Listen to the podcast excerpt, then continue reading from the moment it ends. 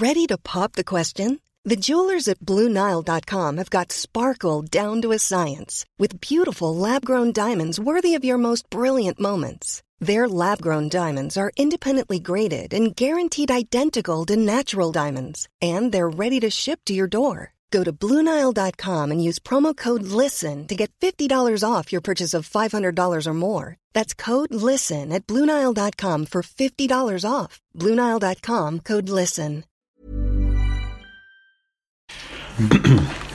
Eh, ja, precis. Eh, och eh, vet du vad? Kan inte du inleda med lite gitarrspel som du har gjort på några andra avsnitt?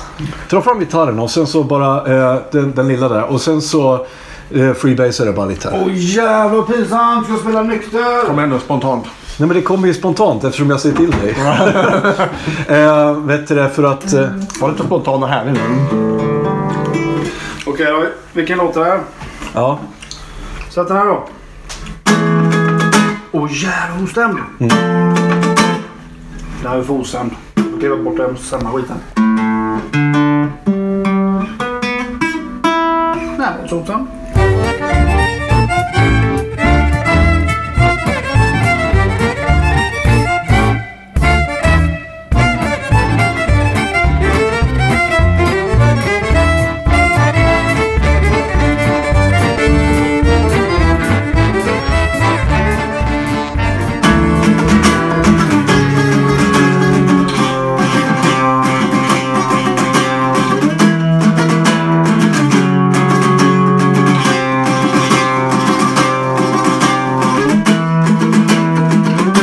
Alltså jag kommer inte gissa om du inte sjunger. Det låter bekant men jag kan inte sätta den. Jag vet inte. Sepultura. Sepultura och med tonerna ifrån Fredriks flinka smutsiga fingrar så säger jag hej och välkomna till Diagnostikerna.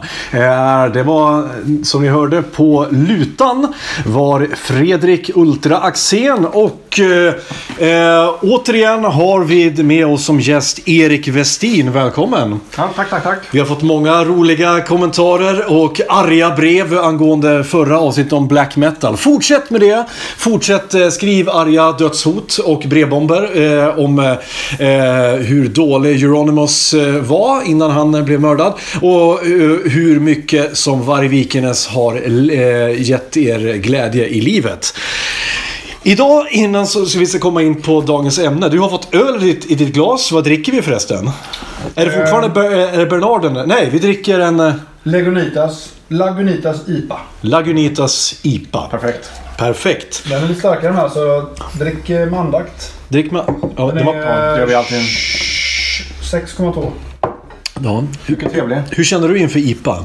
Mm, jag är jag skulle säga inte ett IPA-fan men jag tycker om IPA. Jag brukar, brukar köpa en blandning av lager och IPA när jag går på systemet. Olika. Jag kan säga att jag har värmt upp väldigt mycket mer för IPA på se- sista tiden. För jag har druckit så många bra IPOR. Det var, det var min egen, vad ska man säga, um, tjuriga inställning till att jag absolut inte ska dricka IPA därför att det är, det är fjantigt att dricka En IPA. hipstergrej. Ja, är det. Jag var allergisk mot det av precis samma anledning som du men jag tycker också att det är gott så att det är svårt att... Ja, på ja, precis. Man kan helt, jag är helt enkelt inte true. Eh, men vet du vad? Jag säger som jag säger igen. Jag, jag älskar IPA, men jag hatar folk som gillar IPA. Jaha. Mm. Eh, utan, eh, Ännu värre de som gör egen öl hemma. ja. Och tvingar på mig att dricka den. Jag har aldrig smakat den god. Är det så? Ja, så är det. Jag har aldrig träffat någon som lyckats. Eh, nej, När jag var i min ungdom det har då jag gjorde, då gjorde man ju Bult. Ja, just det. Men det var ju, syftet var ju aldrig att det skulle vara gott då. Men jag kommer ihåg... Vad är det? Det Bult. är hemgjord öl av eh, mycket, mycket, mycket, mycket dålig kvalitet. Men vi säger så här. Om vi, om, vi har, om vi har skalan här. Då har vi alltså Bult, Mäsk, Hembränt. Ja, alltså det är så äckligt så att man Ja. kräks Men vad är nästan. det gjort? Hur gör man det då? Men det är jäst och socker. Ja, mer eller mindre. ja, men något sånt. Och för att... att det är lite, det är lite mer öligare än äh, mäsk. För mäsk smakar ju som någon slags uselt vin. Men det är ingen alltså, humle och ingen malt. det här är någon slags eh, ölkaraktär på det hela. Så jag vet Ja. Jag har aldrig gjort det själv. Jag har smakat som kompisar har gjort och det smakar ohyggligt. Hörde ni hur vikingarna gjorde först innan de eh, kom på att man kan eh, jäsa honung? Nej. De jäste kött och drack. Fy fan vad Tror du det var gött? Nej. Det är fan true. Men det ska fan, ja det är true.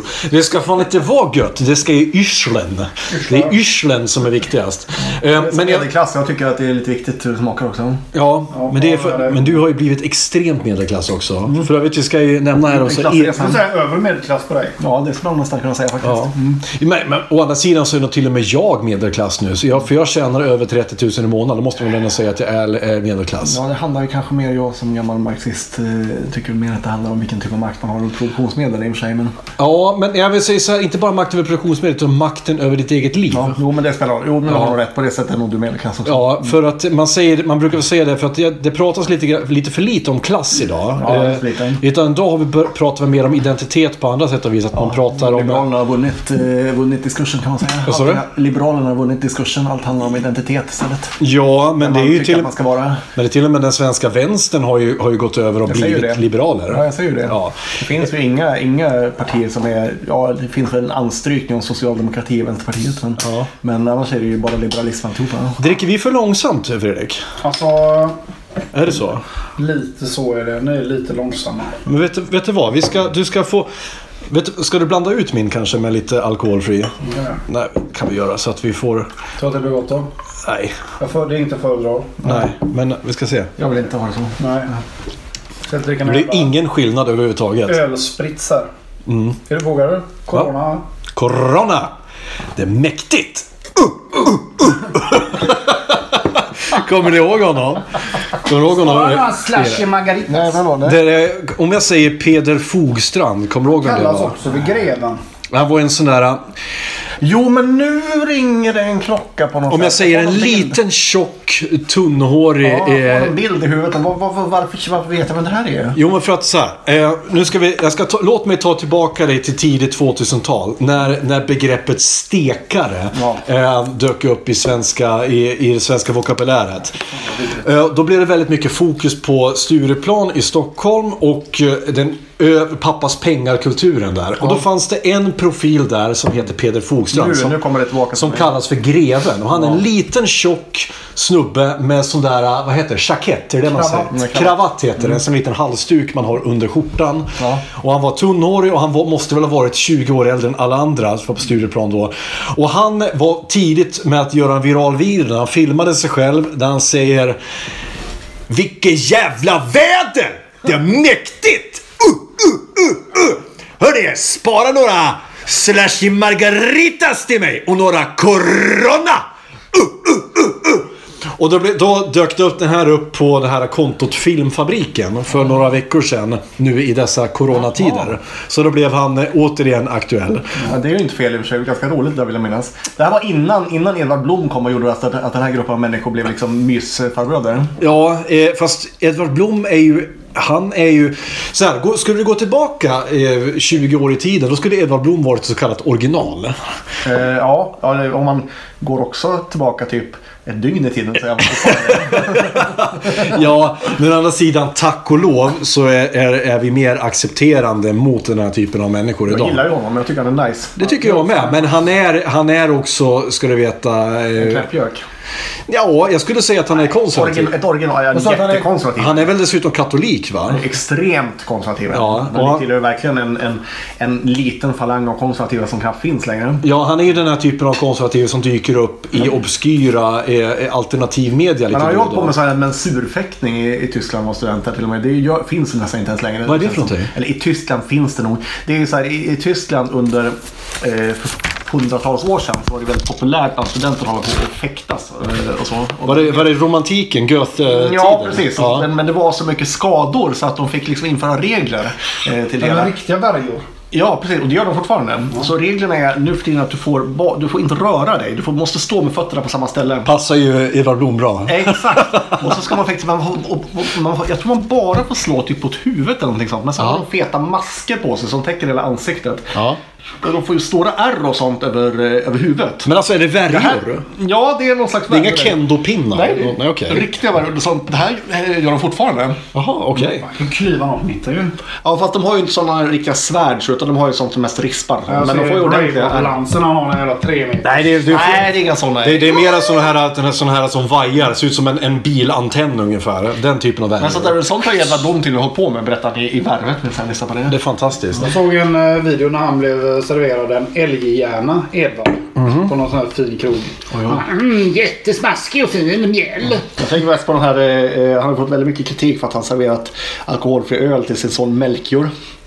Melchior, såklart han heter det. De var utslängda tror jag från någon jävla, undrar om det var typ Almedalen något år det här. eh, De var i, Visby så blev de utkastade från krogen för att eh, ungen satt och drack öl. Var alkoholfri.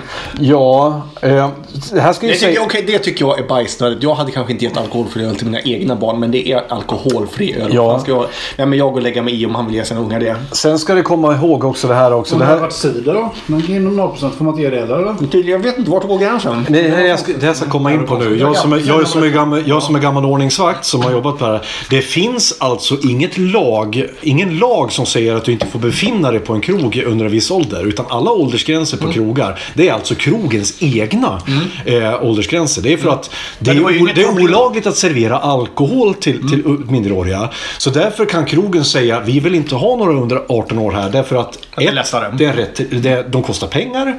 De, gör- eh, och för, ja, de vill undvika att de begår brott helt enkelt. Men det här var ju Så bara- att servera en alkoholfri öl till, till ett barn är varken brott, det är inte moraliskt förkastligt. Nej, men vad är det som ens är konstigt med det om ungen vill ha det? Jag, jag, kan, jag, kan också, jag hade kanske inte gjort det till mina barn för att vadå, vänja dem vid att dricka öl och kanske lite onödigt i en sån ålder kan jag tycka. Men, men jag tycker inte att det är ett moraliskt fel av honom så sett. Kaffe då? Nej, exakt. Men kaffe är ju de facto en drog. Det har ju en påverkan på kroppen. För Alkoholfri... små barn ska nog inte dricka kaffe. Nej, och ka- men alkoholfri öl har väl noll påverkan förutom att de blir lite mätt och lite Vad är kissnödiga. problemet? Vad är det för jävla hem och skola-samhälle vi har eh, kommit in i? Ja, det är bra. Jag älskar det. Nu kommer liberalismen fram här nu. Varför måste, ja okej då, var, var, varför måste det vara så här? An, antingen så lever vi i ett jätte så här Prussiluskan-samhälle där folk liksom, inte får göra någonting. Mm. Eller så är det bara hockeykillar med så här eh, tomteblås i röven liksom. Det verkar inte finnas något mellanting liksom. Antingen Nej. ska, man, antingen ska det vara så jävla ordentligt eller ska det inte finnas några sociala regler alls. Jag fattar inte det. Och fy fan vad det här föranleder oss bra in på dagens ämne. Nämligen eh, rättshaverister. Eh, rättshaverister, jag slog upp ordet i, i, i Saul, Svenska Akademins ordlista. Och då står det så här.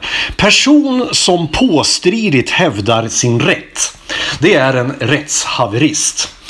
Eh, och vi har ju ett gäng rättshaverister som, som är kända i Sverige. Men för det första, eh, har, jag, ska, jag ska börja med, med, med en enkel fråga. Har ni själva upplevt er som rättshaverister någon gång?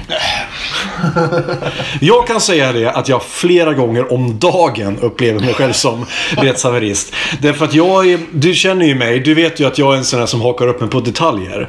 Och kan upplevas som en besserwisser. Jag kan bli galen när en människa säger att så här, ja men så här är det och jag vet att människan har fel. Då kan inte jag ge mig för att behålla husfriden som de flesta normala människor skulle kunna ha gjort. Utan jag kommer att hävda min rätt in i döden. Ja, det är väldigt haveristiskt. Det är extremt haveristiskt. Eh, många, det som någonting sammanlänkar många av rättshaveristerna som jag fått, eh, som, som är kända, det är att de ofta anses vara psykiskt labila. Men behöver det ofta, alltid vara the case? Nej, det måste det inte vara. Man kan, ja, men lite. Det beror på hur haveristisk man är. Vår gemensamma bekant Hugo, du känner Hugo? Jajamän. Mm. Han har ju sagt, kanske det mest haveristiska jag någonsin hört i mitt liv, att det är viktigare att ha rätt i trafiken än att överleva.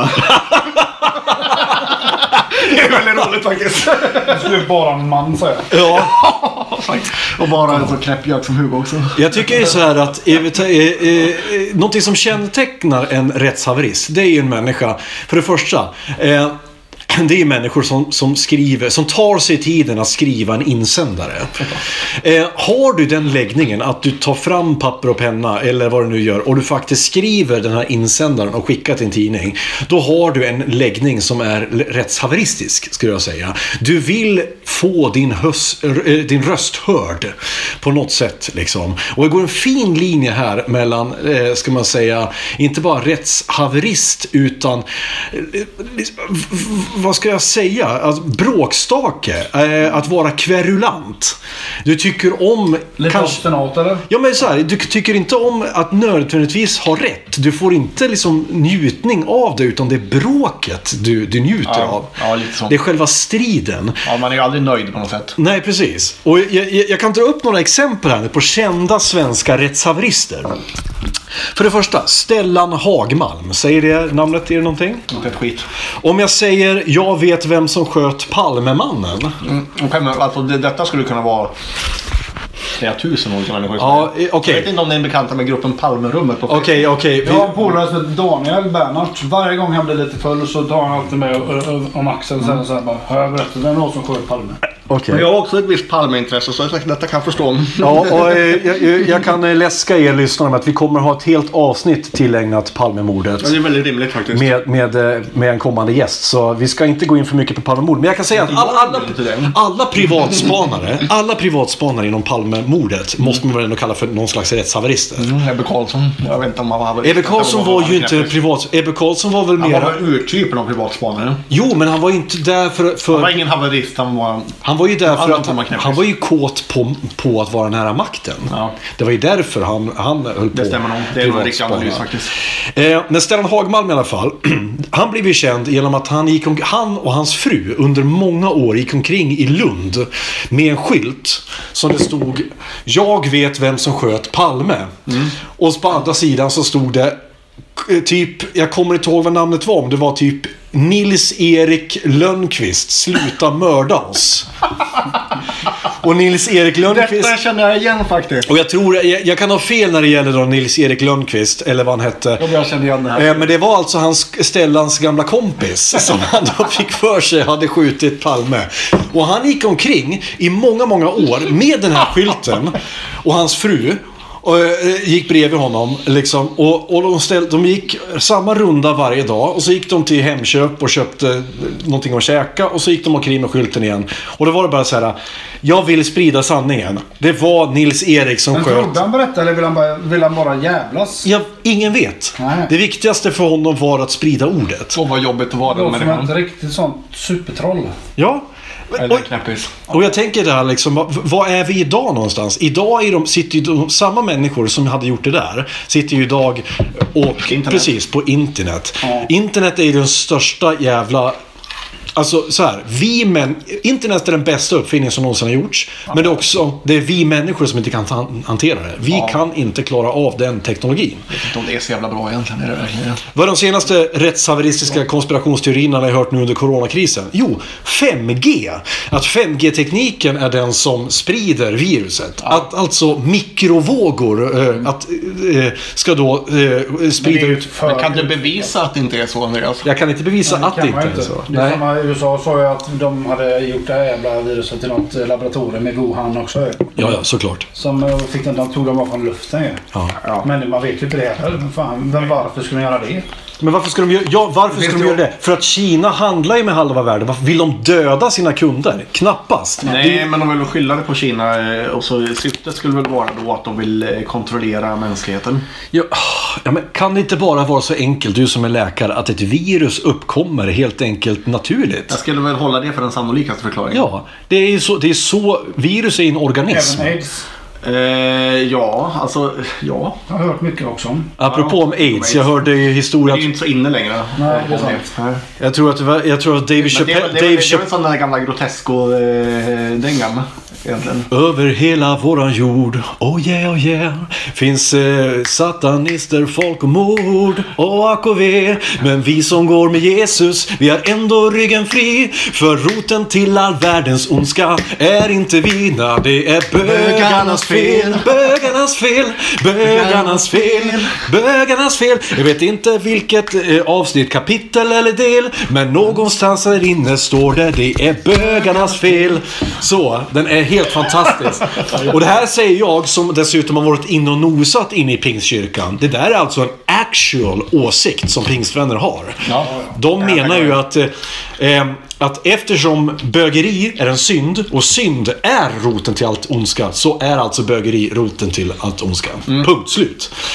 Men jag tänker, eh, vad fan, fan kom vi in på det? Jo, jag hörde en kul grej om AIDS för övrigt. Här, nu ska jag bli, nu ska jag bli haveristisk. Dave Chappelle sa... sa Get down bitch! Ja, han sa, han sa en kul grej under en av sina rants. Eller att eh, de säger att eh, de säger att AIDS kom till av att någon knullade med en apa Ja. i Afrika. Och då säger han det, det tror jag inte ett skit på. Because once you start fucking monkeys, you never go back to humans. if you if you take the time to to lure a chimpanzee to you with a banana, hey hey, you want to come over here, sit sit with me? Hey, oh, that's some nice legs you got there. No, hey, oh, what's that? And once you fuck once you fuck monkeys, you never go back to fucking humans. Så att där faller den teorin. Dave Chappelle är ett sånt jävla geni. Han är så jävla rolig. Det är ju så roligt. rolig kille. Det var han som gjorde den här, han gjorde inte någon parodilåt också om, eh, om R. Kelly. Han säger typ Haters wanna hate, lovers wanna love I don't wanna do None of the above wanna piss on you Drip, drip, drip, drip, drip, drip Pip, pip, pip, I wanna piss on you Helt fantastisk. Ehm, nej men som sagt, där har vi en eh, stor Stellan Hagmalm, jag som vet, vet vem som sköt eh, Palmemannen. Nästa eh, som jag skrev upp på min lista här är Bengt-Olof Gavne. Från Västerås. Väst- Västerås. Han kan vi kalla för kommunmannen. Hans livsuppgift... Kaminmannen. Kommunmannen. Hans livsuppgift har varit och är fortfarande, därför att jag hittade honom på Facebook. Och han är fortfarande en haverist kan jag säga. Jag letade upp honom och kollade och han har ju inte helt oväntat hoppat på både kollodialt silvertåget, eh, 5G-tåget, Flat Earth-tåget. Illuminati-tåget, Men judetåget och alla andra tåget tror jag som... Om det är tågen som går, då tänker jag hoppa på. Jag tänker inte stå kvar på någon perrong, någonsin. Jag gillar lite grann den can do attituden ändå liksom. Nu kör vi. Så här. Hans grej i alla fall då att han har alltså bråkat med Västerås kommun eller Västerås stad i över 30 år. Frågan är om staden Västerås har bråkat med honom. Mm, det har de.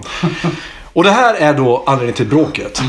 Hävdar han. Enligt kommunlagen i Sverige så får ingen st- kalla sig själv för, Väster, för stad. Nej just det, det här känner jag igen också. Det finns alltså inga städer i Sverige. Och då har han jättearg på Västerås för att de kallar sig själv för Västerås stad. Det är väldigt rimligt i och för sig att du kan ha rätt. Så varje dag, varje dag i 30 år så har han gått in på kommunhuset. Varje dag? Varje dag under 30 år har han gått in på kommunhuset. Skrivit oräkneliga insändare, debattartiklar. Så varit på alla kommunfullmäktigemöten som finns. Han har startat alla föreningar som finns tror jag i För att se till att Västerås byter namn från Västerås stad till Västerås kommun. Jag känner att jag är team kommunmannen alltså.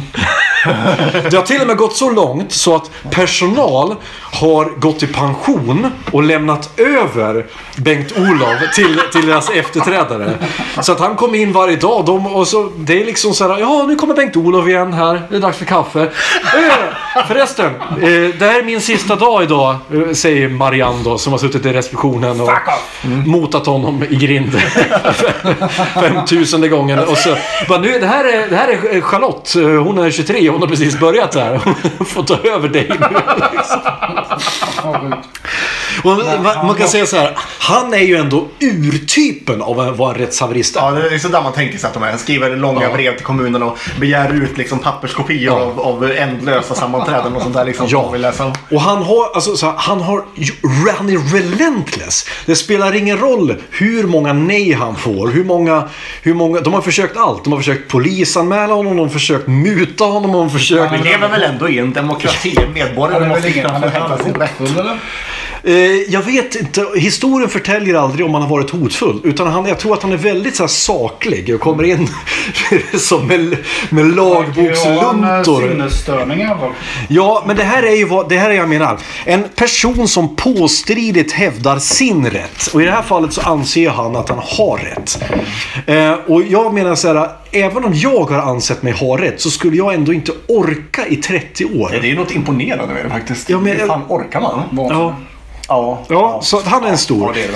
Det är vansinnigt. Eh, vi kommer in på nästa namn. Förnuftets röst i det här Ultra. Ta en öl. Ja, det gör vi. Gör. Jag ska ha faktiskt slut med min öl här. Jag råkar se på dina anteckningar att nästa är en av mina favoritpersoner i hela Sverige. Jajamensan, nu kommer vi in på det här. Ta ta ölen först. Nej, vi tar, vi tar ölen först. Jag Läs. ska dricka en veteöl. Gud vad trevligt. Oj, ja. Den heter Weinsteppenhane. Vägen Steppenhaner. Det låter som en, en, ett rockband från 80-talet. Ja, det är det Ja, också. det gör det faktiskt. Jag tänker Och på de, eh, Steppenwolf. Fast de är från 70-talet kanske. Och skivan heter Heffe Weissbier.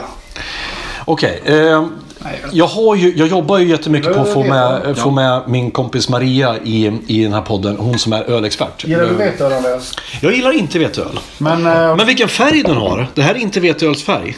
Ja, den är lite mörkare än vad traditionellt brukar Vet, är, eh, alltså, jag vill att ö, min öl ska se ut som mitt bakiskiss ungefär. Att det ska vara brunt, konjaks, eh, mörkt. Eh, är den här alkoholfri eller? den här är inte alkoholfri. Det kanske slutar med att du fått något taxi härifrån idag. Nej men alltså jag smakar bara. Jag blev så himla sugen på att smaka på hur veteöl smakar. Gillar du veteöl Erik? Ja, jag gillar veteöl. Okej. Jag har absolut inget emot det. Har du någon sån här, det här hatar jag. Dricka I dryck, dryck, dryckesväg? Eh, nej, nej, det har jag inte. Jag, jag har Nej, en, nej, fy fan. jag har en liten sån här... Alltså du kan dricka det. Häll ut skiten. Nej, jag kan dricka det, men gud, det var inte gott. Jag tycker, jag tycker att rökig whisky är extremt överskattat, men jag Ja. tycker inte illa om den. Ja, jag Vet du vad, vad glad jag blir att du säger så. pratat om också. jag. Jag gillar en god blender. Gillar jag. Vet du Jag vad? gillar också. Jag gillar all whisky.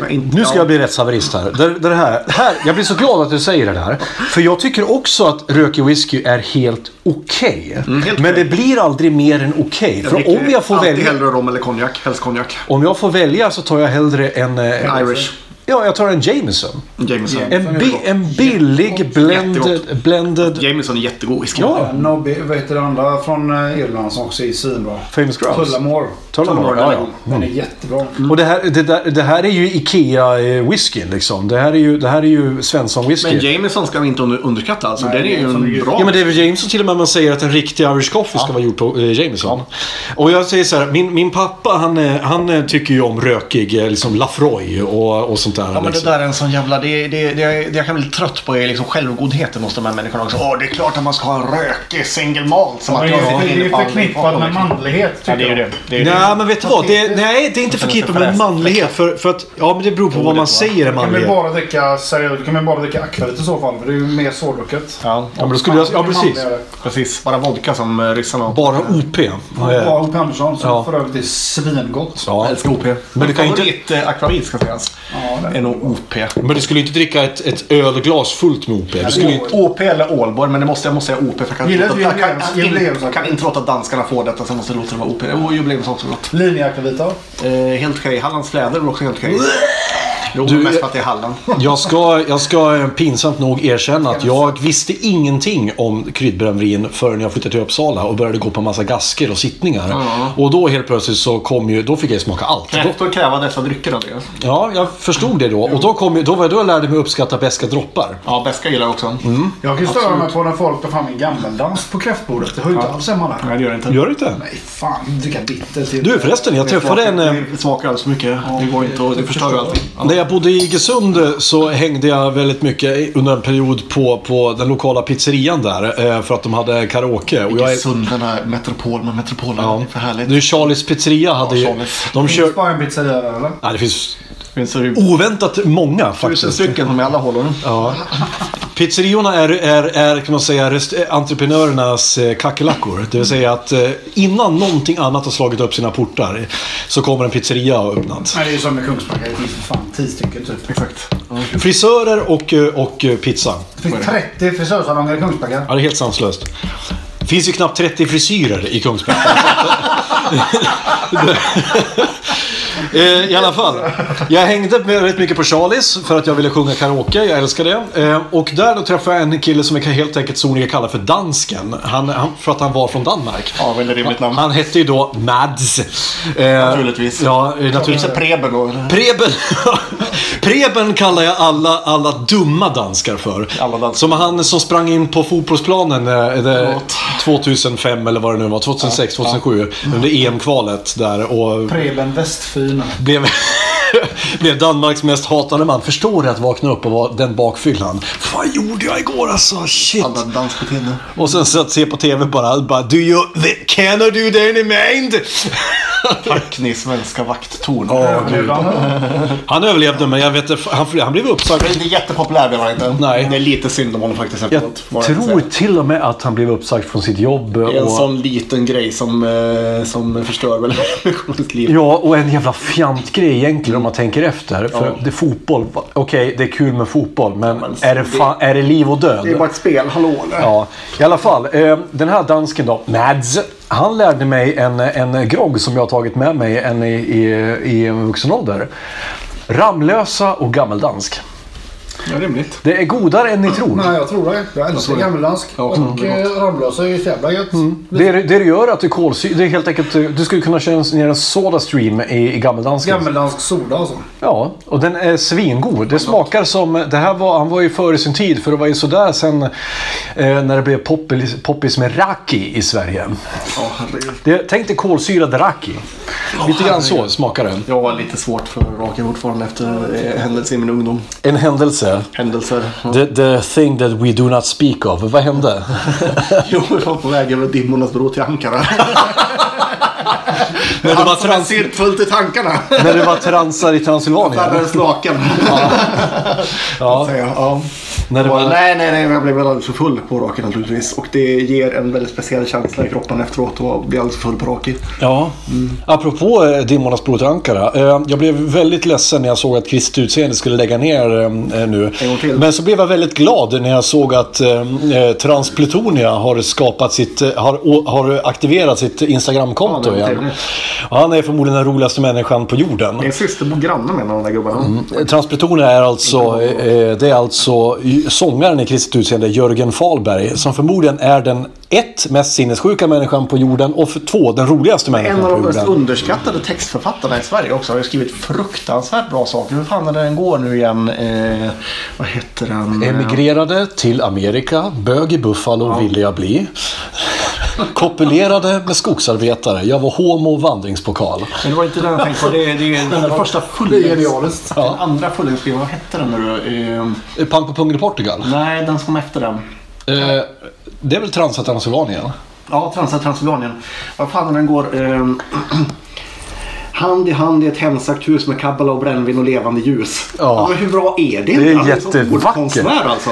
Men det är det, och jag ser, alla texter han skriver på Instagram, han skriver ju såhär, oftast, ställer oftast tar han en selfie på sig själv i en gasmask och, och eller ett älghuvud och, och läder eh, såhär gimpdräkt. Och så skriver han en lång kontaktannons på liksom typ Herrelös, herrelös herre med, med, med taxöron söker dig, söker dig undergivna mjölkpaket som vill ta mina pengar, du måste vara rik, bla bla bla. Men, men, men, han, men han har så, ord, han så trolleri med orden också verkligen. Jag tycker man underskattar honom på det viset. För att han är, han är ju en riktig, riktig, riktig Errol Norstedt med orden tycker jag faktiskt. Jo, men jag säger det, jag, inget ont om honom överhuvudtaget. Han är, han är, eh, jag menar, och, återigen än idag så, så citerar ju både du och jag med glädje och värme eh, Mondo Gnarp-filmerna eh, Ulf Svensson, Knight Rider och eh, Hallon, eh, eh, kar. Sätter på pinnen och snurrar krabben.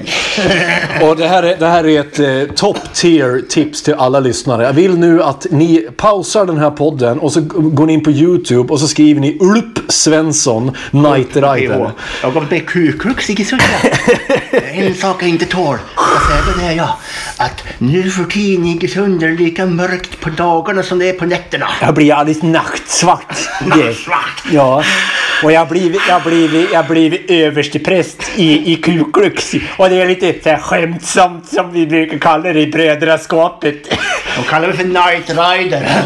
Och det här att jag skulle vara nå, nå hålla på med svart magi, sofili. Koprofagi. Det är bara inbildning det, är inte jag nå bög. Ska att jag skulle ha fått på böga med dig. Det var något som du har Nej. inbillat i ditt huvud. Gillar de här ja. Raimonds. Eh, Är det Ramones. de här samma som mammas nya kille eller? Förlåt. Nej, nej, nej. Nej, nej, det är kristet utseende innan de... eh, Eller de blev Under tiden? Under tiden. De blev kända med de videorna samtidigt. Ja, det var så här. De, Jag såg när jag var 12. Brorsan släppade med de här på VHS Ja. ja. Jag förstod inte riktigt hela grejen. det, här, ja, men det här är alltså det, kristet utseende. eh, Jörgen och Jesper heter han då. Hallonkar. Som Jesper var då, han var trummisen va? Ja. En gång i tiden. De, de eh, tog en VHS-kamera och så gick de hem till Jörgen och filmade hemma hos honom och så spelade de lite hemvideofilmer. I'm becoming you, you becoming me, I'm becoming you, you becoming me.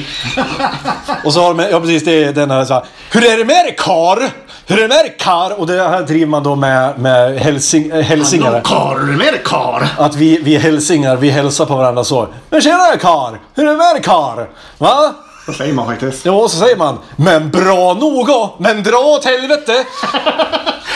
Det- jag försökte lära någon så här, hur vill du prata, eh, så här, så här, eh, grundkurs i lära sig prata, eh, prata eh, hälsingemål. Det är att lägg till dra åt helvete för... Bra nog. Eller bra nog till, för allting. Men dra åt helvete vad snygg du är kar! Eller dra åt helvete vad god den här jävla ölen var- öljäveln var! Ja men så är det faktiskt. Min son, min son eh, tog mig åt sidan när var och hälsade på eh, min mamma senast. Och så eh, frågade de mig, pappa, eh, varför säger de torker? Torker. Ja, Ja. Utan att torka dem. Ja, just ja. Vadå? Eh. Man, säger, man säger inte AR till någonting. Man säger bara, torkar av bordet ja. Jag älskar dig ja. Ja, älskar det ja. Däg. Ja. Däg. Och det säger man i norra Hälsingland framförallt. Det är uppe i Bergsjö. Det är enda Hälsingland som räknas. Alla norrut. Ja, jo. Oj, kontroversiell åsikt. Ja, fast vi... Ja, men jag, ja, men jag för sig. Jag räknar ju knappt Bollnäs och Bollnäs och Söderhamn. Det är ju... Det är, fy fan, nu kommer vi få Bollnäs-Martin från Bandit Rock Det här ifrån. kommer jag på riktigt känner jag. Ja. Jag känner lite folk från Bollnäs. Det här är en upp... Förlåt, okej Bollnäs. Nej, men jag står för det. Det här är en, det här är en öppen utmaning mot Bollnäs-Martin på Bandit Rock. Försök, Att, försök, försök bara komma och ta oss. ja, försök. Go and have a go if you think you're tough enough. eh, hur fan kom vi in på hälsingar? Jo, kristet utseende, Jörgen Fahlberg. Nästa! Rättshaverist. Det här vet jag är en favorit eh, eh, hos dig. Det är alltså då Mats Hinse. Även känd som OS-bombaren. Och här måste vi ge lite bakgrund. Mats Hinse var en av två personer som grundade eh, svartklubben. Ja, framförallt svartklubben Docklands. Okej då. Denna vecka samarbetar vi med Adrenalin Kids som sysslar med event och barnkalas i Askim. Eh, de har till exempel eh, paintball för barn, bubblefotboll, combat archery tag och fäktning för barn. Och det här verkar jävligt kul. Alltså, jag, många av våra lyssnare tänker jag väl ha med barn. Jag tänker dina barn är väl lite för unga, men eh, Ja, det hade varit taskigt att dra på dem. Men en paintball överallt kanske. Men... Ja, jag har ju... Alltså min dotter är 10. Hon skulle nog tycka att det här var ganska kul. Jag har ju pratat om det här med paintball, hur kul det vore. Det går i alla fall till så här att man... Barnen kommer dit och eh, så tar en instruktör emot dem och eh, så får de overaller och så går de igenom säkerhet och sådär. Och, ja, och, och regler för att det är ju liksom så att de inte skjuter varandra i ögonen och dödar varandra. Liksom. Det. Eh, så delas de in i lag och så spelar de i en och en halv timme ungefär. Och sen så får de grilla och käka hamburgare eller korv eller någonting. Och så. Det, vore ju, alltså, det här vore ju drömmen när jag själv var barn. Ja, jag säger detsamma. Fan vad fräckt det var. Ja, alltså jag, jag kommer ihåg. För att när jag, jag var kanske 10 när jag såg Kommando för första gången. Ja, lite väl tidigt kanske. Ja, fast det, vi, vi var ju hårda på den tiden. Kommer ihåg, vi såg ju, jag såg ju Terminator. Min, min dotter har ju sett Terminator. Ja. Terminator 2. Älskar den. Ett har inte sett. Nej, inte ettan. För det är den där hemska när de skär ut ögat. I alla fall då. eh, eh, vi- såg kommando och sen var jag och några kompisar, vi var ute i skogen och så hade vi liksom så här leksaksvapen och, och vi byggde, vi byggde så här kåtor och kojor och lekte liksom militär. Det var inte att jag ville döda någon utan det var just det här att få smyga. Man tyckte om att få smyga. Jag har, jag har spelat paintball ett par gånger i vuxen ålder. Och jag blir ju, varje gång jag gör det så går jag i full Vietnam war liksom när jag gör det. Jag Och det blir, gör man ju. Det är så man får som puls. Ja. Jäkla kul. Ja visst, och jag, jag, vet, jag lägger mig liksom, jag, jag smetar in ansiktet med lera liksom och lägger mig i, i och bara sniprar liksom folk. Så, eh, Och jag tänker så här, hade jag fått göra det här som barn själv, det hade varit den ultimata liksom, upplevelsen. Och dessutom är det här perfekt nu i coronatider. Därför att det är en utomhusaktivitet. Ja. Dessutom har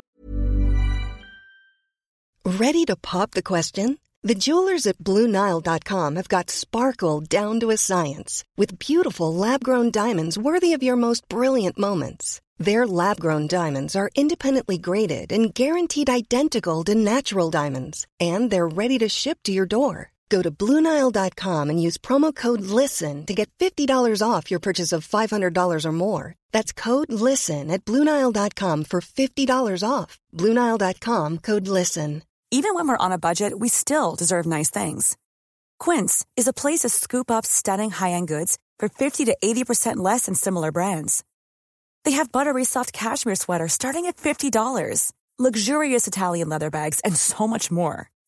Plus, Quince only works with factories that use safe, ethical, and responsible manufacturing. Get the high-end goods you'll love without the high price tag with Quince. Go to quince.com slash style for free shipping and 365-day returns.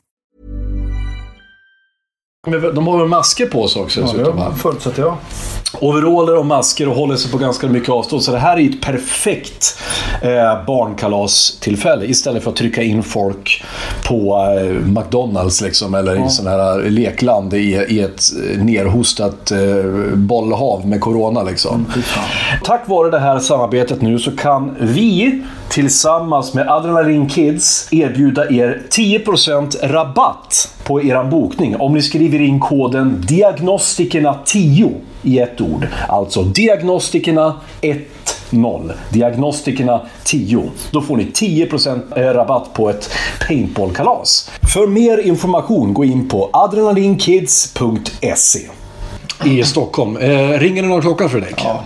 Nej, jag fattar ingenting vad fan ni pratar om. Men Docklands, eh, då så startade liksom hela rave-grejen i Sverige. Som, de Ja. startade ju rave-kommissionen på polisen bara på grund av den klubben. För att de skulle stänga ner den och, och få bort Docklands alla droger. till. Ja, Docklands. Ja, Docklands var en svartklubb i Stockholm eh, som eh, vad jag förstått hade väldigt prominenta besökare. Anders Borg ska tydligen ha varit en... Men det är för att han kände dem. För att de här var ju tidigare med, de här var ju medlemmar i Frihetsfronten som var en, en del av MUF. Ja, på just den det. tiden då Anders Borg var med där. Anders Borg och Fredrik Reinfeldt var med. Och de här var liksom de mest extrema nyliberalerna i den delen. Och det här var på den tiden, det var på den tiden där, där MUF var nyliberaler och Exakt. inte konservativa arslen. Ja, men de de finns, de har ju fortfarande en sån stark falang skulle jag tro. För att eh, Okej. det, är, det är en väldigt ungdomlig grej att vara nyliberal och sånt där. Och tycker man ska göra vad man vill. Och så jag har träffat många sådana Ayn Rand-fans eh, som är... Fast Ayn Rand är väl mer kons- konservativ? va? Gud nej. En, en liberal? Nej, nej, nej. Jag tänker Milton Friedman när jag tänker Nej, men Ayn. Rand är ju den filosofiska underbyggnaden till hela den nyliberala ideologin. Jaha, jag tänker mer Milton Friedman. Ja. Det är i alla fall den Milton Friedman ekonomiska. är den ekonomiska motorn bakom. Mil- Milton Friedman och Robert Nozick skulle jag säga. Mm. Som också la ett ekonomiskt... Men Milton Friedman hade ju reell makt. Ja. Men Ayn Rand är inte konservativ.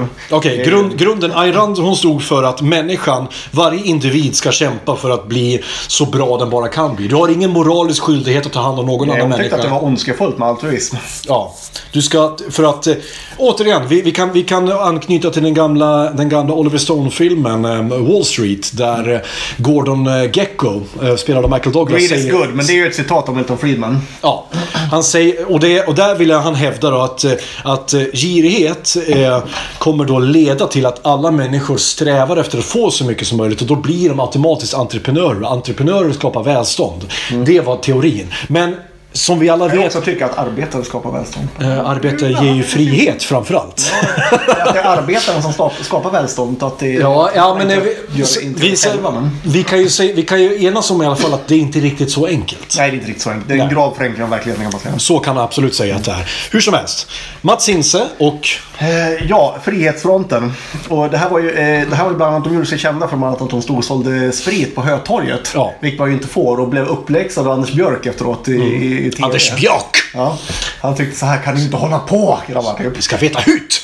Ja, men sen så tror jag Frihetsfronten bröt sig ut från MUF faktiskt. Som blev för, blev för, eh, för extrema. Mm. Och eh, så startade ju han, eh, Hinse var med och det var, de var väl tre, var de inte det? Det var Anders Wavreus och... Va- Varveus ja, just det. Han som tog ecstasy i TV. Mm, precis. Mats Hinse och den tredje som var väl... Eh, han hoppade väl av ganska Ja, tidigt. jo, det var Hinse och Varveus som var mer extrema faktiskt. Ja. Eh, De i alla fall, de drev den här klubben Docklands. Eh, som gång på, Nej, först eh, drev de klubben Trittnaha, hette den va? Mm. Som sedan till slut som, som då råkade ut för en razzia varje vecka i alla Mm. fall. Alla, all, till slut så kunde alla, ja nu är det razzia igen, ja ja ja, we know the deal. Polisen gjorde egentligen det här bara för att de skulle göra det. För att tydligen så vad jag förstår enligt Ja, i och för sig enligt Wavreus själv och eh, Mats Hinse så var ju många poliser för frekventa besökare på den här klubben. Men det tror jag på. Det var en del, hel del höjdare som eh, gick dit tror jag. På deras svartklubb som de hade innan. Docklands var ju liksom en, en eh, sån mera Mm. eh, seriös liksom raveklubb. Det var när de hade upptäckt rave-scenen. Ja. Eh, Trittnaha tror jag, det var det framförallt det där de ville testa på är, kan man... Eh, vi vill, de ville ju första göra uppror mot att Systembolaget existerar. Mm. Jag hatade dem ju. De ska inte, eh, ingen ska tala om, ska, de vill inte ha några alkohollagar, de vill inte ha några ordningslagar. Därför att de tänker att så här, eh, människan är kapabel att bestämma själv hur mycket den ska dricka och eh, när den har fått nog. Undrar om de har träffat några människor någon gång. Jag, jag är Men osäker. vad har det med Systembolaget att göra? Man får handla hur mycket man vill. Ja. Ja, Inte när som helst. Inte och när som vilken helst. Affär som helst. nej. Vem som helst får inte stå och sälja sprit. Och det måste komma ihåg att det här var tidigt 90-tal också. Så att eh, det var ännu hårdare på den tiden. Idiotiskt ju. Systembolaget är ju svinbra. Ja, många tycker, men många tycker ju inte det. Fråga muffare idag vad de tycker om... Men, men alltså grunden i det hela, det ideologiska grunden är inte så svårförståelig. Man, eh, vi är vuxna människor, vi ska få bestämma själva. Det är Ja. grunden liksom. Men du kan ju fråga vilken gubbjävel som helst. Alltså, det finns många gubbar eh, som är bra mycket äldre än oss som tycker att Systembolaget alltid har varit en dålig idé. Eh, det, vi ska komma ihåg att det vi hade innan Systembolaget var ju det så kallade motbokssystemet. Det vill säga, då bestämde staten verkligen hur mycket du fick supa. För då hade de alltså, då hade du en, en, ett register över exakt hur mycket du hade supit. Den, eller hur mycket du hade köpt. Men var det då man handlade över disk eller? Ja. Ja, när det fanns ju, då, då fick man ju liksom inte köpa hur mycket som helst. Nej. Och då förde de register. Såhär, Jaha, är Fredrik här igen? Åh, men du har ju redan köpt din flaska vodka. Det tycker ju till och med jag är förmynderi. Alltså. Jag Till och med det, ja. Ja, men det är jag gillar förmynderi. ju inte så. Jag har blivit lite mer... eh, ja, jag gillar inte förmynderi lika mycket som jag gjorde när jag var Nej, men jag har ju blivit, jag har blivit mer libertarian jag också. I, i, vet du det.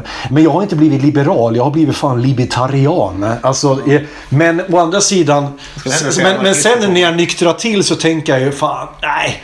Systemet är bra. Men det, är, Systemet det är lite grann, även om jag kan sköta mig så vi har ju det här för att det finns människor som inte kan det. Det är väl det det handlar om. Ja, men framförallt så vet ju jag... Sol- Solidaritet som vi har i Systembolaget. För, för, för, för, jag som har växt upp med alkoholister runt, och he, runt mig själv och jag, min mamma är fortfarande grav alkoholist. Skulle hon få fri tillgång till sprit inne på OK i Iggesund och kunna gå in där och bara langa fram en 50-lapp och köpa den billigaste. Då hade hon gjort det varje dag. Men det är det jag menar, det är en solidarisk hållning. Vi tre som sitter här kanske inte har några problem att hantera och, och bete sig vuxet men det finns människor som inte kan det och därför är, för dem är ju Systembolaget kanske nödvändigt för att fungera. Liksom. Men sen finns det ju en annan. Många hävdar ju också, många framförallt liberaler, moderater och, och, och luffare hä- hävdar ju att men titta på alla andra länder. Titta på Italien. Varför kan det inte bli lite mer som Italien? Jo, men har ni någonsin stannat upp och funderat? Varför är vi inte u-länder som Italien och Spanien? Kanske för att vi varit nyktra och hittat och, och varit innovativa istället. Jag vet inte. Ursäkta nu, men nu är jag kategorisk. Kan det vara för att vi faktiskt haft en ganska strikt hållning till alkohol? Att vi jobbar måndag till fredag, sen super vi på helgerna istället för att supa varje dag. Kan det vara därför som den svenska modellen har fungerat? Kan det vara därför som svensken går upp varje morgon, går till jobbet, kommer hem och sköter sig? vilket gemene man funkar? Kan det vara därför som arbetarrörelsen i Sverige faktiskt har varit framgångsrik? Varför vi har ett bra samarbete mellan arbetarrörelsen och arbetsgivarorganisationen? Kan det vara därför som vi faktiskt har lyckats åt välstånd i Sverige? I don't know. Kan det vara för att vi är nykter? Jag vet inte. Man ska minnas att vi höll på att supa ihjäl oss i Sverige på 1800-talet. Det är det som är upp, upptakten till allt detta. När kom eh, nykterhets... Eh, för vi hade väl faktiskt ett förbud ett tag. Mm, nej. I början på... Nej. De röstar de inte De röstar för ner det. De röstade ner det, just ja. Kräftor kräva dessa Albert drycker. Engström. Just det. De röstade ner det. Ja, Men just det det. var, det var, Men i var USA, i USA vann de. Vilket var inte en så jättebra idé. Det, vi- historien har ju visat att det inte var en bra idé. Nej. Det, för att det var ju till och med så att när, de skulle, när, när förbudet skulle gå igenom. Då satt de på svartklubbarna i USA och räknade ner. Och sen blev det party. För det var det bästa som kunde hända.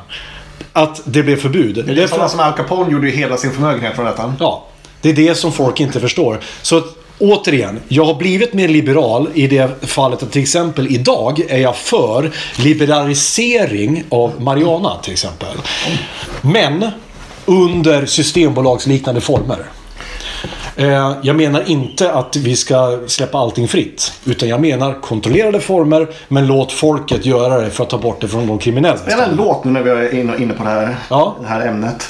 Mera brännvin. Nej, nej, nej, nej jag tänkte än, ännu bättre. Än... Är det eh, Torsten Bengtsson, Karin Söder? Lyckligtvis är Vi hänger med. det är en av de bästa politiska slagdängarna som har gjorts. Ja. Eh, för er nytillkomna lyssnare så är detta alltså Ny Demokratis eh, kampsång. Nu hänger vi. Nu hänger vi med. Här kommer vi som hatar allt förmynderi. Vi hänger med. Vi kämpar och slåss. Här Fria drag. Det är in under vår galosch. Och eh, det där var alltså då... De... Det här, eh, Ny Demokrati, eh, det var då alltså Ian Wachtmeister. Wachtmeister eh, uttalar jag därför att min farfar var väldigt noga med att bli inte en av dem, Andreas, som säger Wachtmeister, eller Wachtmeister. För han heter Wachtmeister. Ja. I alla fall, och Bert Karlsson som bildade ett... Ville de slopa Systembolaget? Inte bara det. De hatade lapplisor. De hatade invandrare. De hatade... Invandrare? Ja, ja visst. Eller För- invandring? invandring och invandrare. För att vi hade till exempel en tjej som hette Vivian Franzén. Vivian Franzén. Som, Hur lång tid ska det dröja innan våra svenska ungdomar vänder sina ansikten mot Mecka? ja, Sa ni i riksdagen. Samplat sen i en låt av Pluton Svea så man kan ju förstå vad det, Hon var det, även hon här, som vad det här lockar för typ av hon, människor. hon stod också och tog upp eh, eh, den här eh, som använde, hon använde anekdotisk bevisföring nämligen i, sin, i sina eh, tal och sa eh, Idag hörde jag om en muslimsk man som hade ritualmördat sin son för att han eh, hade ätit eh, griskött. Jag frågar er, är det det ni vill ha? Och bara, ja men vad bevisar det där? Ingenting! Du, det- men- vad har du hört för någonting? Men det och, var- men det absolut bästa som Ny Demokrati någonsin har tagit fram är John Bouvin. John Bouvin var riksdagsman som sa två legendariska saker. Den första, det var när han skulle, eh, de skulle debattera om homosexuella skulle få gifta sig eller inte. Då står han i, i, i riksdagen och för sina pekfingrar mot varandra och säger Det är jävligt enkelt va. Det här går inte. För sina pekfingrar mot varandra. Och sen gör han två ringar med, sina, med, sina, med sin tumme och pekfinger. Det här går inte. Och sen tar han pekfinger och en ring och kör igenom och säger Men det här går. Och enklare än så blir det inte. Fan, en jävla idiot. Ja, han sa även det här att eh, Sida borde, dra- borde dra in alla bistånd till Afrika. Nämligen för att, och nu ska jag parafrasera. Jag har jobbat i Kenya va. Och förr i tiden så födde de 15 ungar va. Sen åt lejonen upp sju av dem och så dog några stycken av svält och så hade de tre ungar. Men nu med alla våra bistånd så överlever ju alla ungar. Och då blir det katastrof.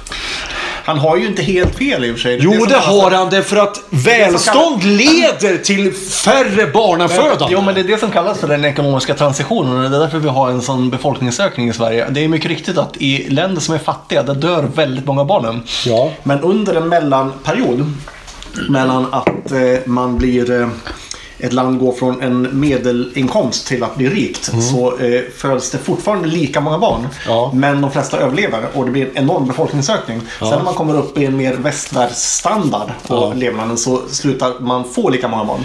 Och där har vi ett, har vi ett exempel Sen på når det. når man en sån steady state istället. Och det väl därför vi brukar kalla det för eh, de så kallade baby boomers. Det vill säga de som föddes. Vi har generationen som kallas för the greatest generation. Det är den som alltså då slogs i andra världskriget. Efter att andra världskriget var slut så var ju de flesta länderna sönderslagna totalt. Men i välfärdsländerna så hade de helt plötsligt tid att göra väldigt många barn. Och där helt plötsligt så kom ju då den som kallas för baby boomers. Ja. När, när, väldigt, eh, när, när de här länderna sköt i höjden i, i ekonomisk eh, välstånd. Ja. Ja. I västvärlden var det väl så.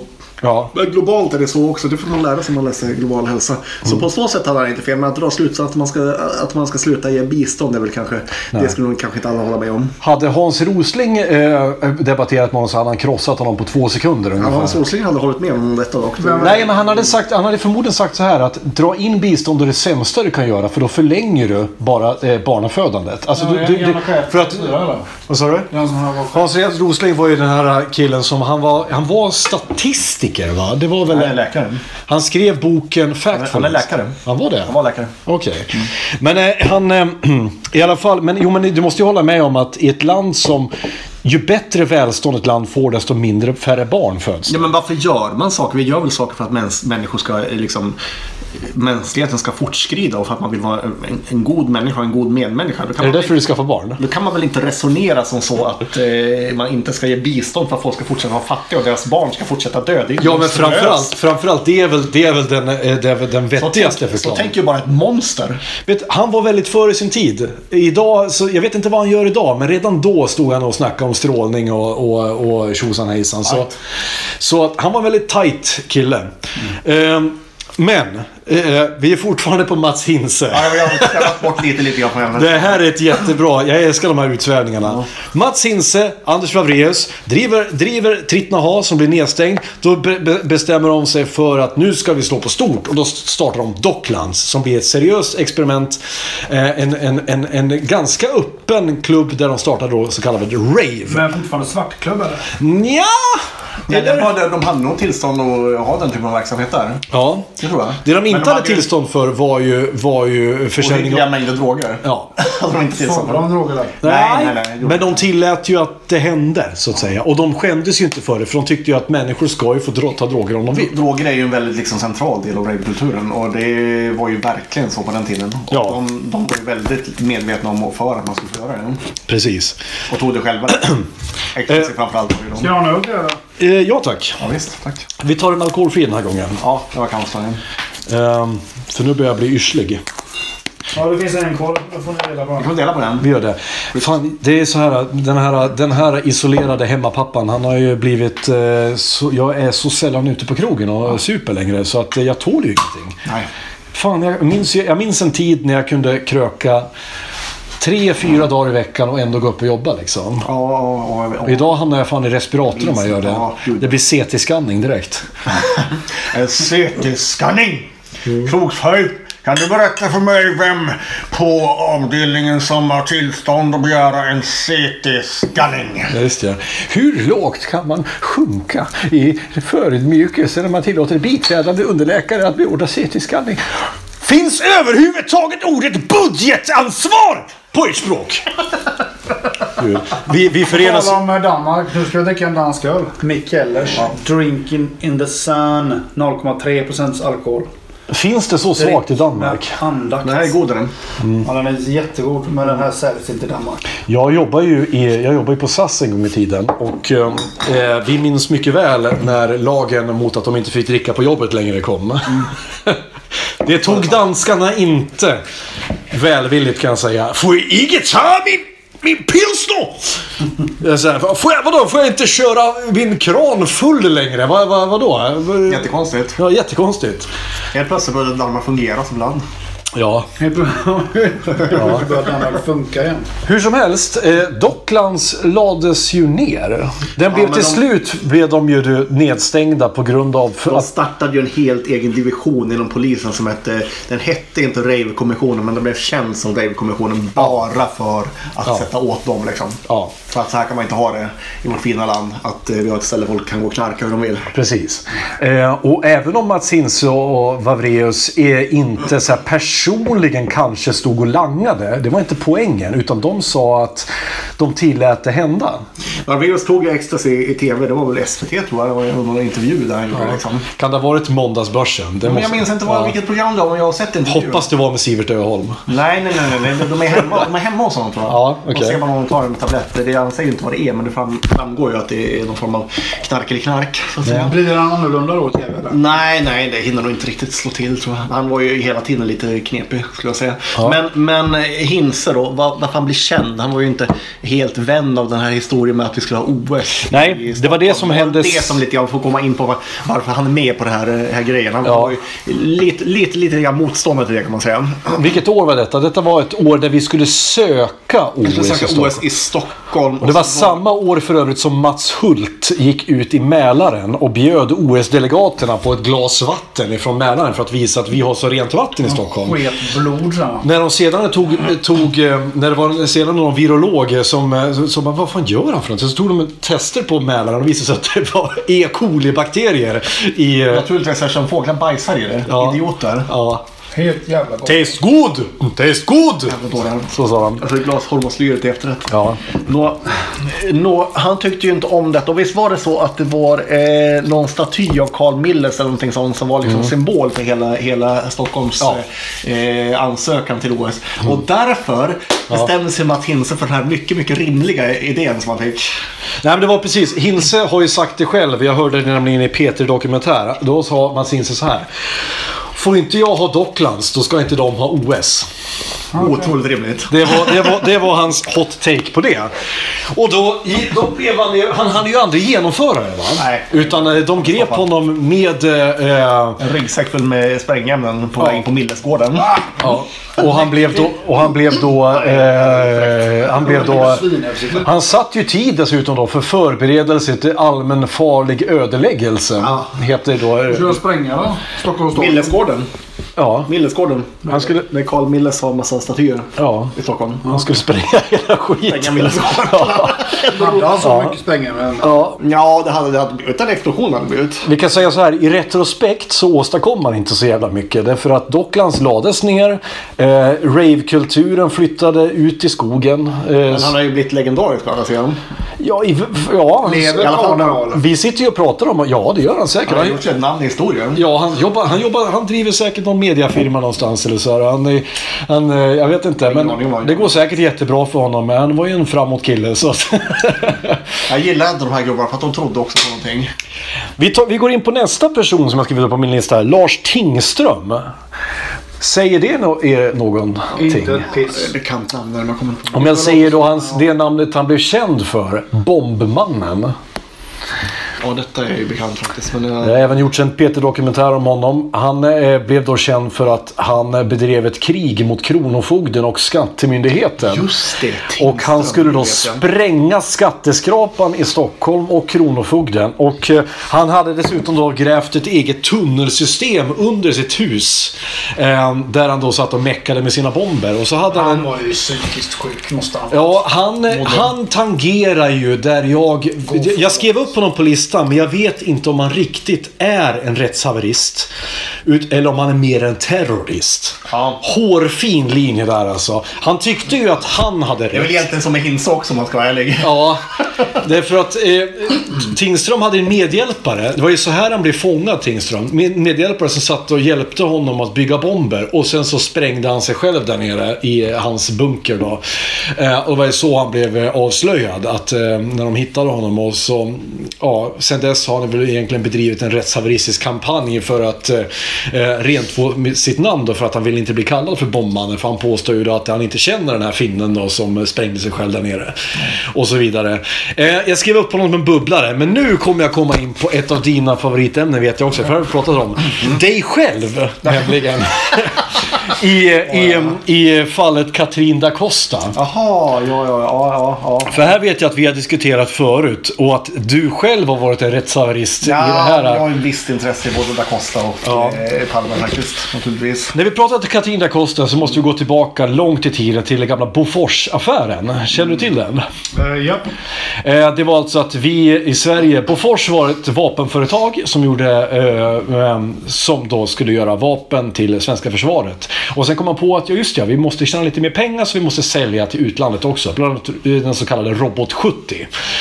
Eh, Men vi hade då en regel i Sverige som Svenska Freds hade drivit fram eh, tillsammans med Miljöpartiet och lite andra partier då. Att vi ska inte sälja till förbjudna länder. Och förbjudna länder var alltså sådana som eh, FN tror jag hade satt på listan över att det här var diktaturer.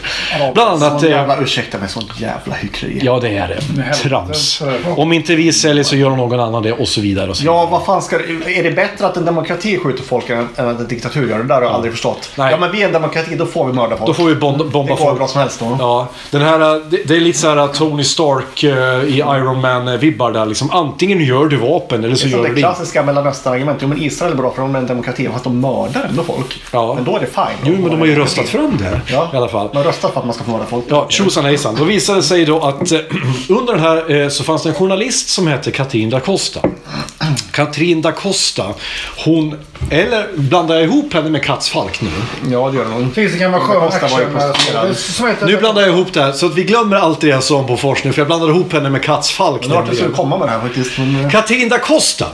Det var en prostituerad tjej som, eh, som styckades. Ja. Och, ja, och då fanns det en, en, en, ett barn som hade pekat ut då det man kallar för eh, allmänläkaren och, Allmänläkaren och obducenten. och obducenten som blev dömda va? Ja, ja, det blev de. Ja. Det tog lång, de fick upprättelse, men det tog lång tid. Det? Ja, det var det. Och eh, i det här, här handlar det väl mest om att kan man lita på vad ett barn säger? Ja, ja.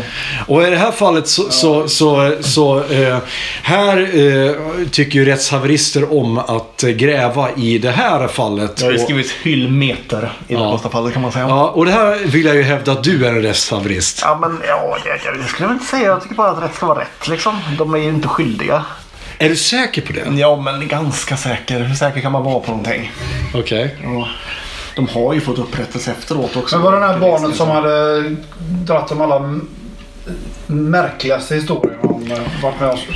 Ja, men det är som alla. Det var ju väldigt populärt och, och fäste ganska stor vikt vid barns vittnesmål. Kanske mer på 90-talet egentligen. Men det började väl redan på 80-talet. det. Och det här kommer ju från The Satanic Panic från USA också. Där, man, där man liksom... eh, Eh, barn hittade på alla möjliga historier om sataniska pedofilcirklar och sånt här som, eh, som vuxna lurade dem att säga i princip. De ställde ledande frågor och då säger ungarna ja. Så här.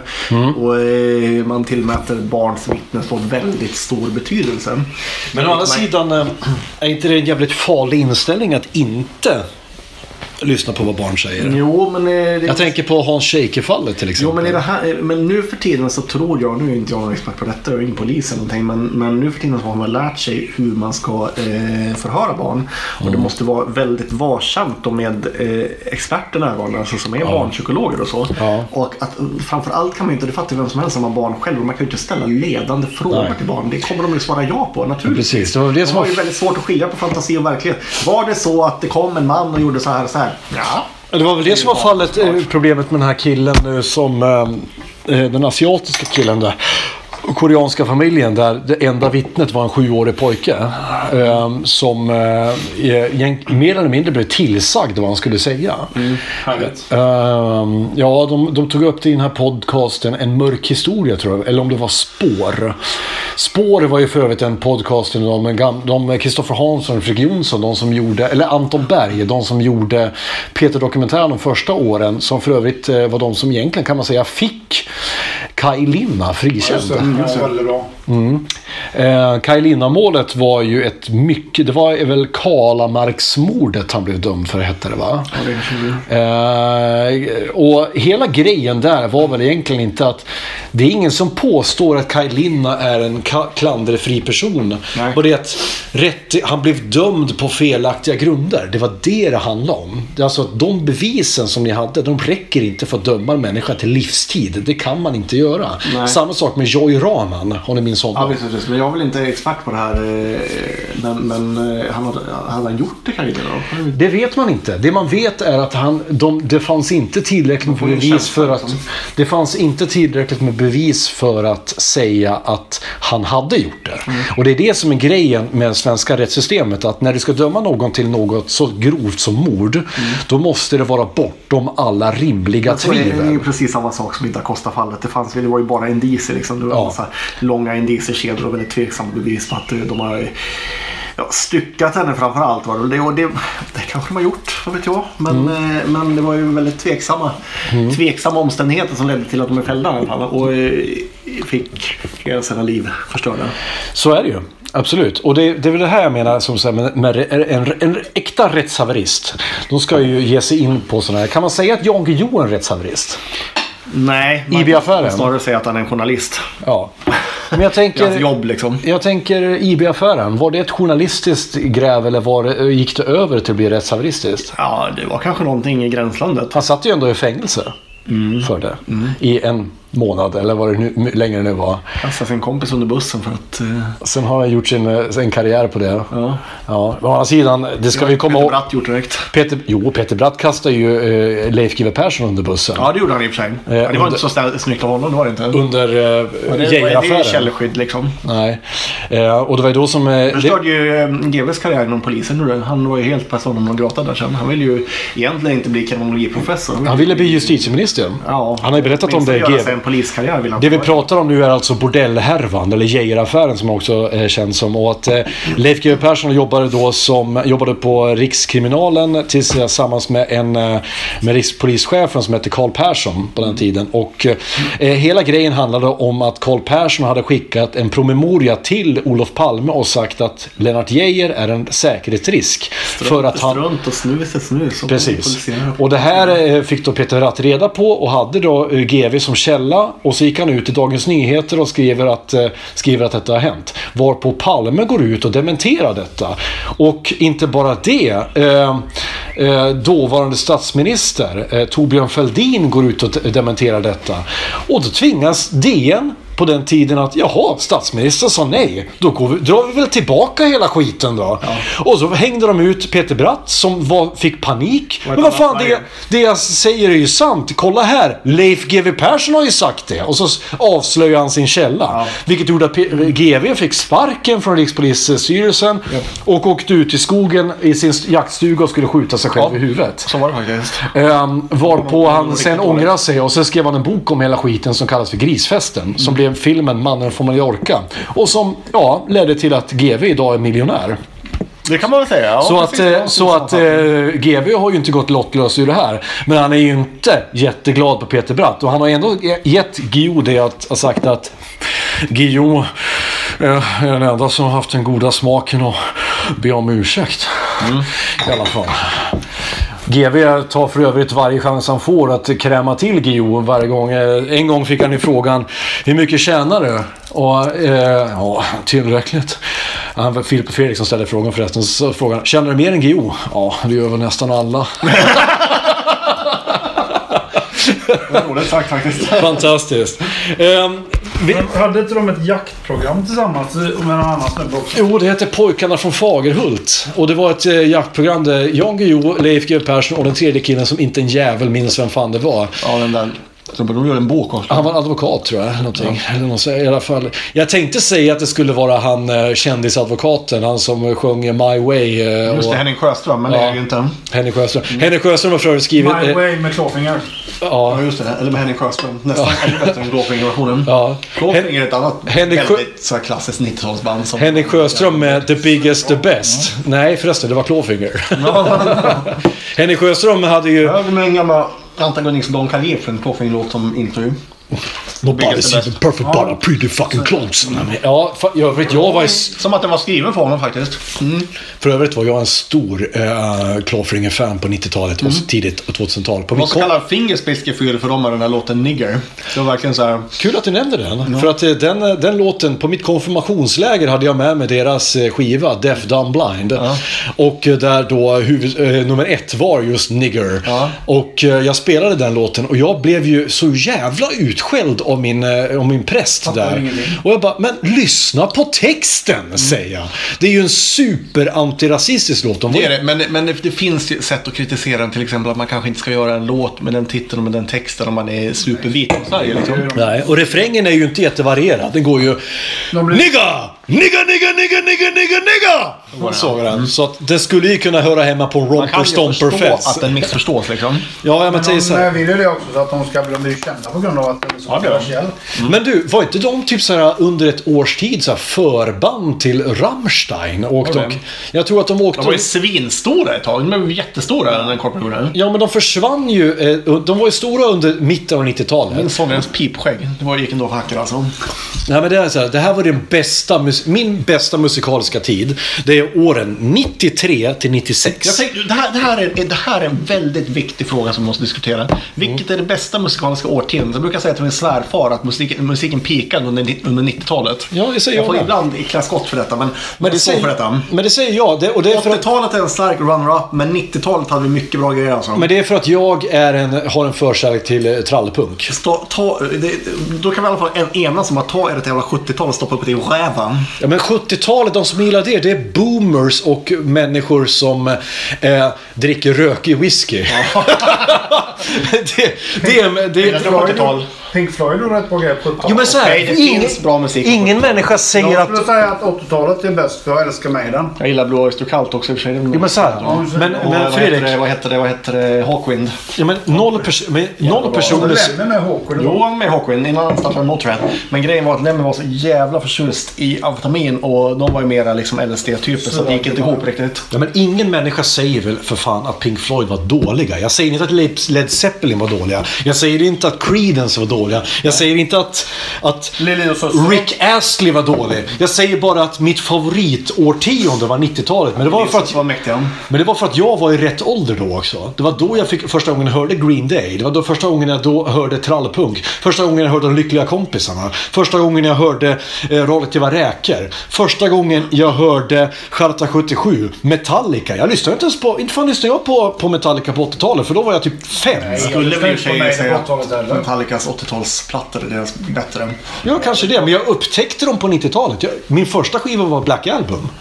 Och jag brukar säga det. så Jag, jag, jag, jag har en kompis, Rickard. Första. Min första var Reload med Metallica. Hör du? Ja, jag var väldigt sen i Metallica. Jag har en kompis som heter Rickard.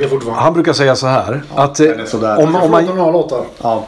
Om, man, om, man, om, man, om man utgår ifrån att Met, eh, Metallicas Black Album är det perfekta albumet. Där inte en enda låt är dålig. ja eh, Kan ni hålla med om det? Agree to disagree. Nej, det kan jag absolut inte göra. Kan ni hålla med om att alla låtar på den skivan är okej? Nej. Nej. Nej, jag tycker inte heller det. Jag tycker den är skitdålig hela skivan. Okej, skit i det då! Vad fan, jag vill göra en poäng Ett här. par bra låtar på den skivan tycker jag finns. Men, Okej. eh, men eh, ja. Nej, Kill 'Em All däremot, där snackar vi. Är Alla, platta, alla alltså. låtar är inte bra på Kill 'Em All. Seek and Destroy är bra, absolut. Seek and Destroy. Four Horsemen är bra. Men deras, deras två bästa låtar är med på den skivan. Seek and Destroy och Motorbreath. Att de aldrig spelar Motorbreath live, det är någonting som provocerar mig så innerligt. Här har ni en låt som har inte allt. Nej, det är nog kanske därför. Det är en låt som handlar om att köra snabba bilar och dricka öl typ. Ja. Det bättre Jag blir det väl inte. Men då kan du väl lyssna på Manowar lika gärna? För det är Ja, allt det kan man absolut göra. Man kan absolut lika gärna lyssna på Manowar. Jag tycker att... Fast i och för sig, alltid med Manowar, de, de, deras, de lever ju i en parallell verklighet där alla går omkring barbröstade med tvåans yxor och... eh, Fast det är ju true metal. Du, jag kan säga det. När jag brukar dra upp så här, nu ska, jag- här, nu ska jag definiera ordet tönt för dig. Då drar jag upp låten Warriors of the World med Manowar. Jag vet, det, känns som att du, det känns som att vi är väldigt, väldigt, väldigt, långt ifrån varandra här. Ja, det, här det, kommer vi det, nog aldrig kunna enas. Jag vet att eh, från din gamla wrestlingtid eh, eh, så har vi en gemensam bekant som heter, kallas för Conny Maisel.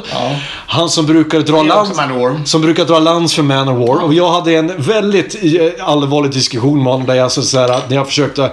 Och då, han, men, han, han, Andreas- han satte mig faktiskt på plats med, med orden att säga så här. När jag lyssnar på power... Jag ska dra och försöka imitera honom. När jag lyssnar på power metal, då vill jag höra om drakar, flygande brudar med stora pattar, brinnande svärd. När jag lyssnar på punk, Då vill jag höra om stridsvagnar. Och då vill jag höra om polisbrutalitet. Det är skillnaden. Ja, man får ju ha respekt för genrekonventionerna. Men Mm. Andreas, jag får fråga dig. Du vill väl vara a hammer of the gods? Du vill väl vara Thunder, Wind and Rain? Men vad fan, jag Hallå, säga- eller? Har du sett den där uh, Manowar Lyrics Generator som finns på, på nätet? Så jag skriver in vad som helst och typ sådär Fire of...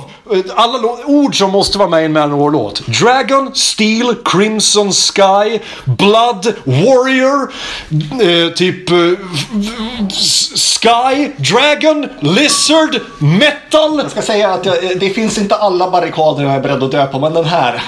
Jag skulle säga att Battle Hymn är en av världens bästa metal-låtar alltså. Mm. Enligt mig. Okej. Jag ska... Otroligt bra låt. Nej, Bra skit. Vet du vad? Så här. I, här drar jag, så att säga, här drar jag lansen för ironin. Jag lyssnar på Manowar och jag gör det ironiskt. Och, och jag lyssnar på dem när jag vill, när jag vill så här. Så här kan metal också låta om man är en tönt. Vet du vad? Jag tror att jag passerade någon slags ironins bakre gräns någon gång på eh, 90-tal eller tidigt 2000-tal. Där vi bara var ironiska hela tiden och lyssnade på musik ironiskt och sånt. Och efter det liksom har jag gått ut på andra sidan och gör ingenting ironiskt längre. Utan när jag lyssnar på Enya så lyssnar jag på det på fullt allvar. Ja, men jag, jag är med dig. Jag lyssnar ju på Nordman. Jag, jag älskar Nordman. Jag, Du gillar också Nordman? Ja men gud vad härligt. Vet du vad? Häromdagen så fick jag hela personalen på operation, operation 1 på Sahlgrenska lyssna på Nordman. Eh, Nästan en hel skiva när vi satt Och jag kan säga så efter att jag hörde, eh, det finns, jag kan rekommendera en annan podd för er eh, lyssnare som heter Konstiga Gig. Som för övrigt drivs av en hälsing. Eh, eh, där de hade då eh, Håkan Hemlin och hon som spelar, nu ska vi säga, inte nyckelharpa, hon spelar blockflöjt i, i, i Nordman. Eh, som pratar om just konstiga gig. det och jag kan säga så här, jag har en förkärlek för etnopop. Till ja. exempel, till exempel i förra årets melodifestival så tittade jag på den av en anledning. Det var för att det var en jojkande samepojke med. Mm, där möts jag och mina barn kan jag säga. Ja. Vi gillar båda Jon Henrik. Som, eh, som, hade, som jag kallar för jojkpojken. Jag vet inte vad han heter. Fruktansvärt lyssna på. Ja, jag förstår. Jag förstår Men du lyssnar säkert inte, du, ja, men jag vet, du, men du lyssnar säkert inte på, på Sarek heller? Eller på Nej, Nordman. nej, nej, absolut Jag älskar, jag älskar Sarek. Jag tål inte. Jag gillade Markoolios så här drift med etapoppen också. Heter den Vilse i skogen? Den var Ja, den var jättebra. Väldigt spot on. Hörni. Jag brukar, brukar, cit- brukar citera Nordman. Eh, eh, varje, gång att, varje gång jag tänker att någonting liksom är, är jobbigt. Vad heter det? Slu, vad säger han? Sluta tänka, det är svårt ändå. Nej, sluta tänka det...